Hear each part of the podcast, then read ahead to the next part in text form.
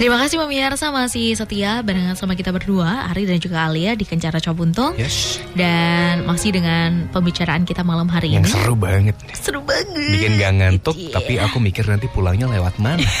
Gak mungkin dong aku lewat jalan provinsi kan jauh banget Mending ke rumah bobo aku. sini Oh, aja. maaf mending pulang ya, mohon maaf. Bu. Aku pernah loh bobo di sini. Oh ya? Iya. Sebegitunya Anda dibuang Iya dari keluarga pulang, Anda. waktu pulang pas itu soalnya Mas ada Aga nggak mau jemput. nganterin. Mas siapa? Mas Aga, Agak sih. Aga Presto. Hei, Anda ya. eh serius beneran itu habis ngejob sama dia. Oh, berdua, Mm, terus ada di- siaran. Kamu tau gak di Jakal KM sekian itu Ya yang ampun. atas itu bayangin. Tapi Dingin aku untung ya. pulang bareng sama Mas Aga, jadi nggak takut kan jalan sepi banget. Oh, waktu itu terus kamu siaran. Enggak, enggak siaran. Emang kalau mau pulang ke selatan lagi kan jauh Ah, ah, dan ah. udah dini hari Oh, gitu kamu loh. Terus di kayak, sini. Oh, oh, terus akhirnya aku bilang. Oh, "Yaudah, siaran goyang tidur senggol aja." sama Pak Bedana. Makanya langsung image-mu dangdut ya, Oh, Bu iya. ya. Ayo, pemirsa yang mau gabung boleh banget. Ya ampun Alia Mas Samba. Bukan. Udah malam loh Bu, ini udah hampir setengah sebelas loh Jangan keranjingan Anda ya cerita Iya. malam hari ini malah ini ya Ayo, kita kita kita juga lanjut. akan tunggu ceritanya pemirsa yang ingin gabung ya tentang pengalaman-pengalaman yang boleh dibagikan malam hari ini. Kita nggak cerita tentang yang romantis, namun cerita yang membuat kita uh, tetap bersemangat sampai jam 12 malam nanti ya. Kita tunggu ceritanya tentang sesuatu yang di lintas dimensi tadi seperti yang ada cerita ya di Yes. 0816680144. Betul. Kita tunggu via SMS atau WhatsApp atau mungkin ada yang saking semangatnya mau gabung bercerita sama kita berdua juga boleh kita tunggu di 550055. Oke deh, sekarang jatahnya Ari mau cerita tadi katanya. ya. Bahas ceritamu lagi dong? Oh The enggak ya. time is sebenarnya- yours. Nanti aku aku Aku aku atut. aku mau cerita lagi. Aku Oh, sebenarnya gitu pengen banyak cerita ya, Bu, ya? banyak hal gitu Oke sih. Cuman ntar aja deh. Oke pemirsa, jadi eh, sebelum masuk ke cerita yang Ari punya pengalaman beberapa tahun yang lalu ya, Ha-ha. tapi alhamdulillah selama beberapa waktu ke belakang ini belum pernah dan aku nggak pernah minta lagi ya seperti itu. Cuman karena beberapa pengalaman beberapa tahun yang lalu itu membuatku berpikir bahwa oh ternyata memang ada hal-hal seperti itu walaupun sebetulnya di tempat yang aku temuin aktivitas yang mereka itu bukan tempat yang kayak Alia tadi yang di kebun gitu enggak tempat Hmm. yang pencahayaannya banyak orangnya rame Orangnya tapi tetap banyak, ada gitu ya. seperti itu. Oh dan ya, percaya nggak percaya ya Mm-mm. itu nanti uh, abis ini langsung akan Ari ceritain. Operator tolong backsoundnya yang tadi yang menyeramkan tadi. Karena kita akan mulai dengan ceritaku ya. Sebetulnya apa ya Alia ya? Eh, balik, balik lagi kita nggak akan menggiring. Aduh, mete ini Menurut saya mohon maaf. Operator tolong dikecilin dong dikit. suaranya Iya. operator. Kayak ono wae operator ya. Aku orang ya. ih jangan. Jangan dong Bu, kita di lantai tiga loh ini. Mencolot juga lumayan tinggi, jangan. Oke.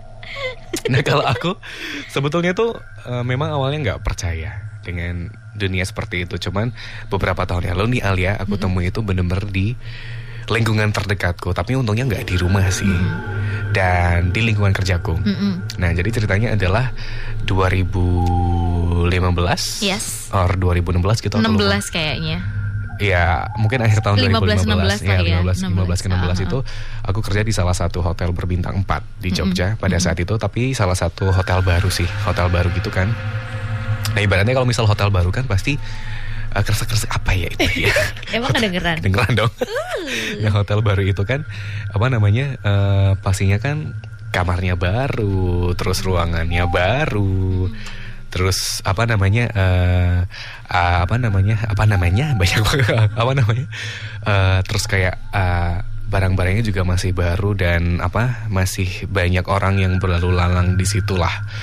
Cuman eh, pada saat itu mungkin karena lahan yang digunain bangunan itu tuh udah lama nggak kepake Mm-mm. jadi mulai banyak nggak banyak sih mulai ada beberapa report dari tamu tentang kejadian-kejadian yang little creepy atau apa yang menyeramkan gitu sih Mm-mm. yang mereka alami. Mm-mm. Cuman aku sebagai salah satu karyawan di situ tuh belum pernah mengalami dan sebenarnya nggak minta sih pada saat itu. Ah-ah. Sampai hari ditunggu-tunggu tiba saat negara api menyerang. Oke. Lalu Avatar Aku tiba-tiba jadi lupa jalannya. ceritanya. Oh ya, oke. Nah, itu ceritanya adalah ketika itu Ih, belum. si hotel itu kan punya enam lantai, Mm-mm. enam lantai kan. Lantai paling atas itu memang khusus untuk eh, apa namanya kompleks ruang meeting. Oke. Jadi ada satu, ada dua ballroom di situ besar Mm-mm. dan memang eh, temanya adalah semi outdoor building. Oke. Jadi ada eh, banyak daerah terbukanya gitu loh Mm-mm. Alia. Nah sebetulnya eh, di situ biasa sih. Kalau kebetulan kan aku di divisi marketing ya. Mm-mm. Jadi kan kalau memang sebelum eh, kalau memang kita mau ada event misalnya Mm-mm. Hamin satu kan pasti sales ngecek tuh Iya. kesiapannya, Heeh. cek soundnya atau Mm-mm. cek peralatan-peralatan digunain kan. Dan itu pasti malam-malam. Mm-mm. Kadang kalau nggak ada teman-teman dari divisi bangket yang Mm-mm. biasanya ting itu nemenin kita kan sendiri tuh Mm-mm. kita naik ke atas sendiri padahal sepi lampu mati kita harus pergi ke panelnya untuk ngidupin karena itu kan kalau hotel kan sentral ya Iya. ngidupin satu saklar untuk semua lampu nah itu memang harus kita melewati lorong-lorong yang Ya bayangin lorong-lorong hotel. iya benar Ya cuman kan lorong-lorong kamar gitu gelap kan. gitu kan Iya. gelap kalau kebetulan di lantai 6 itu gelap jadi memang kalau nggak ada event memang dimatiin dan itu Hmm. gelap banget di situ Mm-mm. Nah, jadi eh, aku pernah sebelum masuk ke inti ceritanya, aku pernah nemuin tamu ketika mereka lagi sarapan pagi. Mm-mm. Ketika itu kan biasa nih kalau kita karyawan hotel kan kita nanyain gimana sih Mm-mm. pengalaman tidur semalam, apakah ada sesuatu yang ingin disampaikan gitu-gitu kan. Ternyata bapaknya, aku ingat banget namanya eh, Pak Didi. Beliau adalah salah satu bisnismen dari Surabaya, memang berkunjung ke Jogja itu karena salah satu bisnisnya ada di sini dan mencoba nginep di hotelku pada saat itu karena memang hotel baru Mm-mm. dan harganya kan masih ada banyak promo gitu kan. Akhirnya dia bilang bahwa apa namanya? eh, aku aku ingin ada yang aku sampaikan mas, cuman nggak nggak masuk akal Mm-mm. gitu. Waduh apa nih? Karena sebetulnya eh, belum pernah ada komplain atau masukan dari tamu-tamu yang nginep di situ tentang hal ini sebetulnya. Eh, ternyata dia apa namanya minta aku untuk duduk di depannya pada saat itu dan Pak Didi mulai cerita Mm-mm. gelekean dulu. Enggak ya, enggak ada yang pemirsa. Terus apa namanya beliau itu bilang bahwa dia pertama kali yang dia tanyain adalah, Mas, dulu hotel ini bekas apa sih? Mm-mm. Gitu kan. Terus karena aku nggak mungkin jawab Mm-mm. bekas pacarku gitu kan nggak mungkin. Dikata bayong dong ya.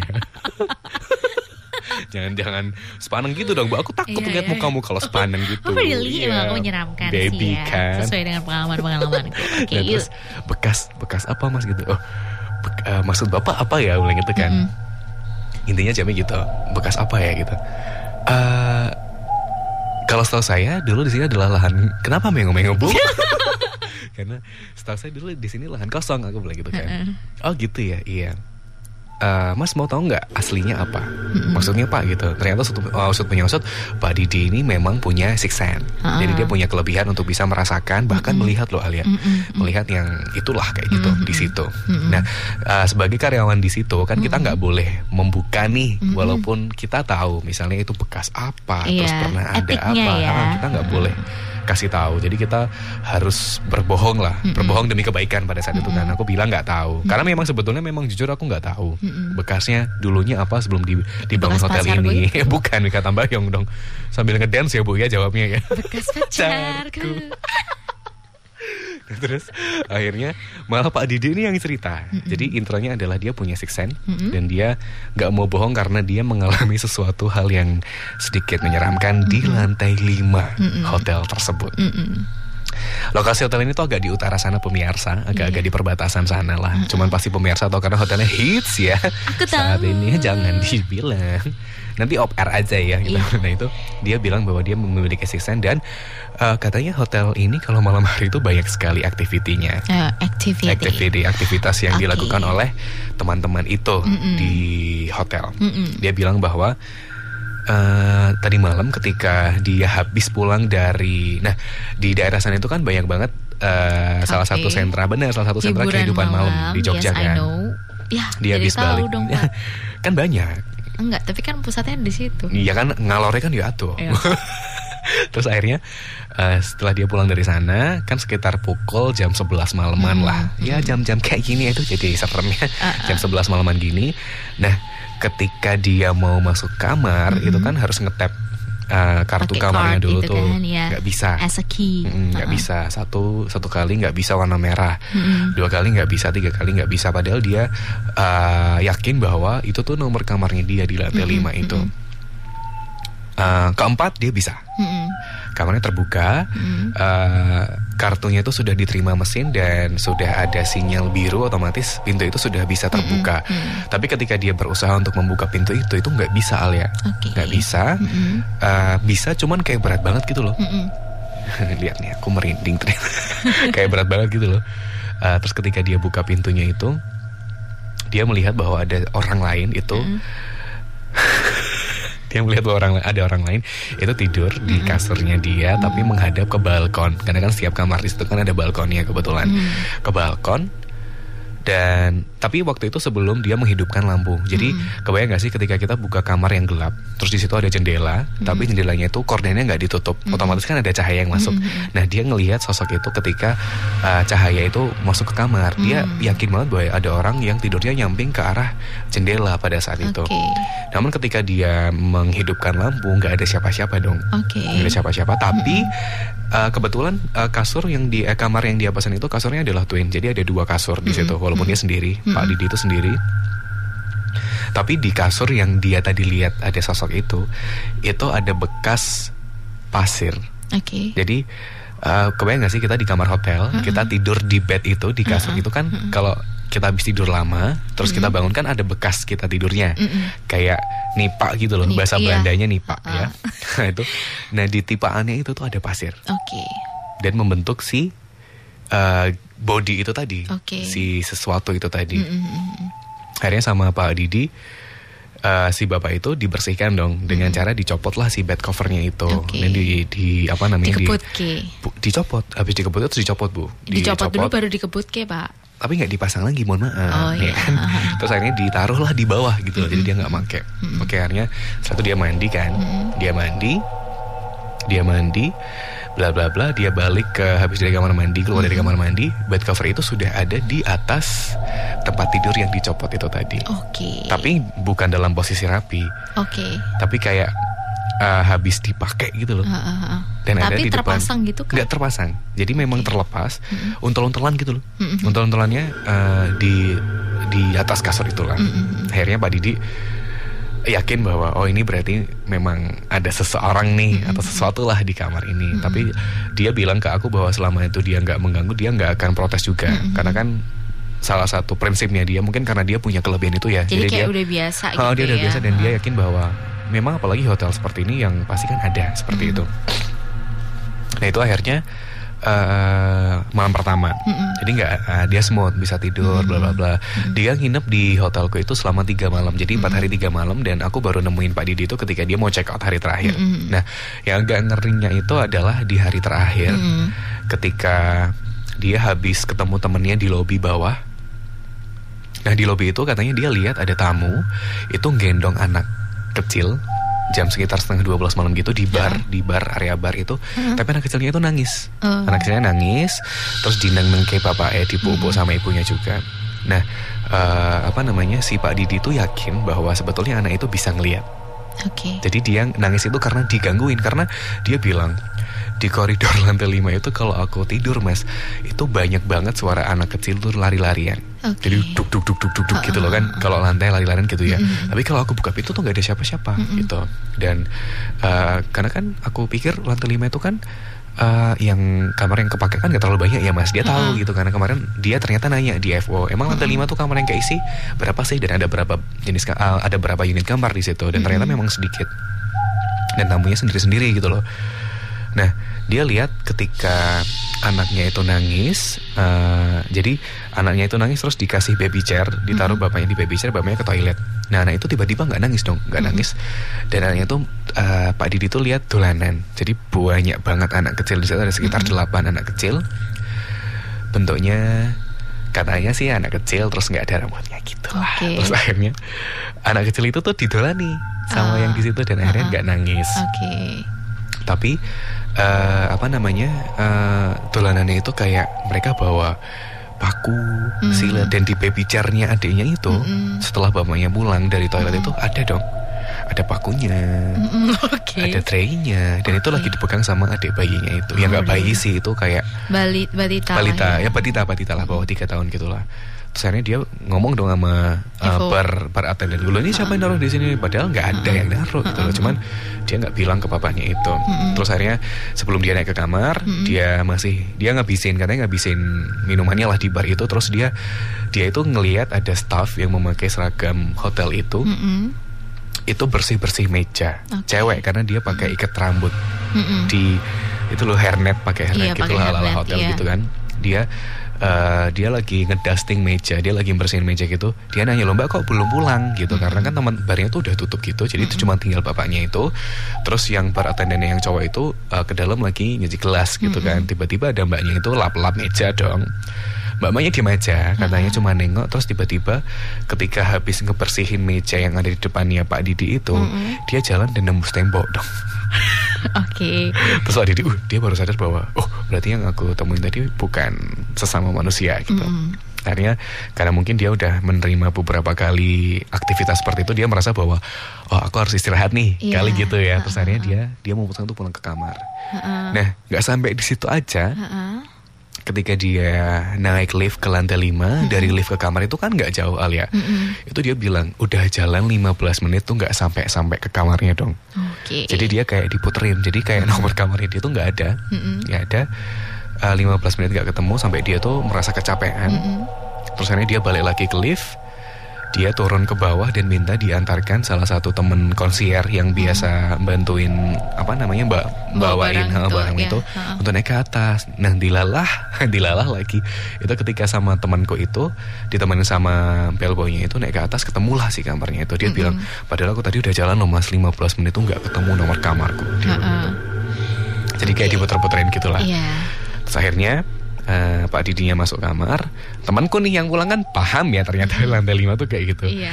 Dia takut dong. Dia lari langsung ke lift itu dan dia memang ngerasa bahwa di lantai 5 itu hawanya memang beda sih dan koridornya itu terasa lebih panjang dan memang kayak banyak yang ngeliatin dia bilang gitu. Oh gitu. Nah, eh, malam hari itu di malam terakhir itu ketika beliaunya sudah istirahat, udah sare lah gitu, di, di tengah-tengah tidurnya itu dia merasa ada yang eh, melihat dia. Kan kita kerasa ya kalau kita diliatin orang lah gitu kan. Nah ternyata si eh, bapaknya itu bilang si someone yang apa namanya dia temuin di malam pertama itu sedang berdiri di luar balkon dengan menatap ke Pak Didinya itu dong. Oke. kayak mendelik gitu loh. Aduh ya ampun. Kayak benar-benar dan itu membuat Pak Didi itu shock. Dan dia eh, dia mencoba berkomunikasi sama Pak Didi kan tapi Pak Didi menolak pada saat itu karena dia mungkin terlalu capek dia bilang gitu Iya. aku capek mas karena kan kalau seperti itu kan kita harus mengeluarkan tenaga yang banyak Heeh. Padahal uh, aku habis, maksudnya habis ketemu temanku kan aku juga capek pengen istirahat. Tapi dia mencoba terus berkomunikasi untuk masuk gitu loh ke tubuhnya Pak Didi itu. Tapi dia menolak. Akhirnya dia berontak Mm-mm. uh, sampai uh, pokoknya ngebuat kamar itu tuh panas banget katanya Pak Didi. Tapi memang secara kontak fisik nggak ada sih. Cuman Iya. kayak dia membuat environment di kamar itu tuh jadi menyeramkan gitulah. Dan gak nyaman. Gak gitu ya. nyaman. Terus akhirnya kamar itu katanya dibuat jadi panas banget itu. Oke. Pak Didi mau keluar nggak bisa sampai dia tuh benar keringetan basah bajunya itu basah Eh, akhirnya setelah dia berdoa dengan keyakinannya beliau dia bisa tuh buka kunci dan dia langsung turun ke bawah dan minta pindah kamar Oke. dan FOK yang men- menghandle eh, Pak Didi komplainan semalam itu dia memang melihat Pak Didi itu kayak habis renang gitu loh Alia Oh, jadi benar-benar dia basah Keringetan. gitu. keringetan karena memang di dalam itu jadi panas banget Oke. Nah, ternyata dia cerita bahwa setelah dia berkomunikasi sama yang lain, Mm-mm. dulunya adalah tempat itu adalah bekas pabrik Oke. ternyata.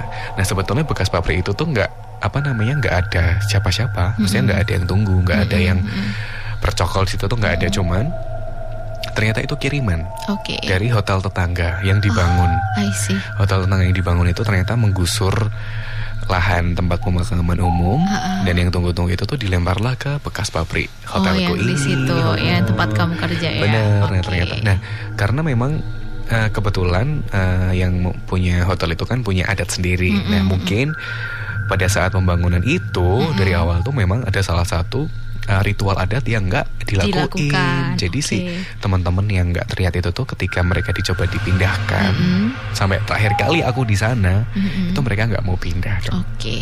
Dan itu baru satu dari beberapa kejadian yang Kejadian. aku itu itu kan aku belum ngalamin kan aku Ah. di- diceritain Yes. dari tamuku ya. Nah Mm-mm. setelah itu beberapa kali aku mengalami. Nanti kita cerita ya. Nanti akan kita ceritain lagi. Yes. Nah, karena setelah ini kan gilirannya Alia Nopa lagi Betul. yang akan bercerita ataupun mungkin uh, nantinya kita juga akan membacakan ya yang sudah mengirimkan pengalaman-pengalamannya di kencan malam hari ini. Oke. Nah, dari mulai saat itu aku jadi mulai kayak agak percaya gitu Alia. Oh iya, ya emang emang harus kayak gitu sih. Kayak meyakini bahwa oh, iya ya Sesuatu ternyata tuh ya kayak gitulah. Eh panjang lah kalau diceritain lah ya. kayak oh gitu ya. Ternyata memang oh ada. Ternyata memang kita hidup itu tuh memang bukan hanya harus menjaga sesama manusia tapi sesama makhluk hidup. Karena Iya. mereka mereka kan juga hidup kan? Iya, karena kita hidup berdampingan. Jadi menghargai satu sama lain. jangan nengok-nengok gitu dong. Iya, oke deh kalau gitu kita jeda dulu Miarsa nanti kita balik lagi. Nantinya di Gencar Cobuntung masih dengan cerita-cerita kita malam hari ini Yuk. sesuai dengan tema kita. Kita tunggu ceritanya pemirsa juga ya. Sampai jam 12 malam nanti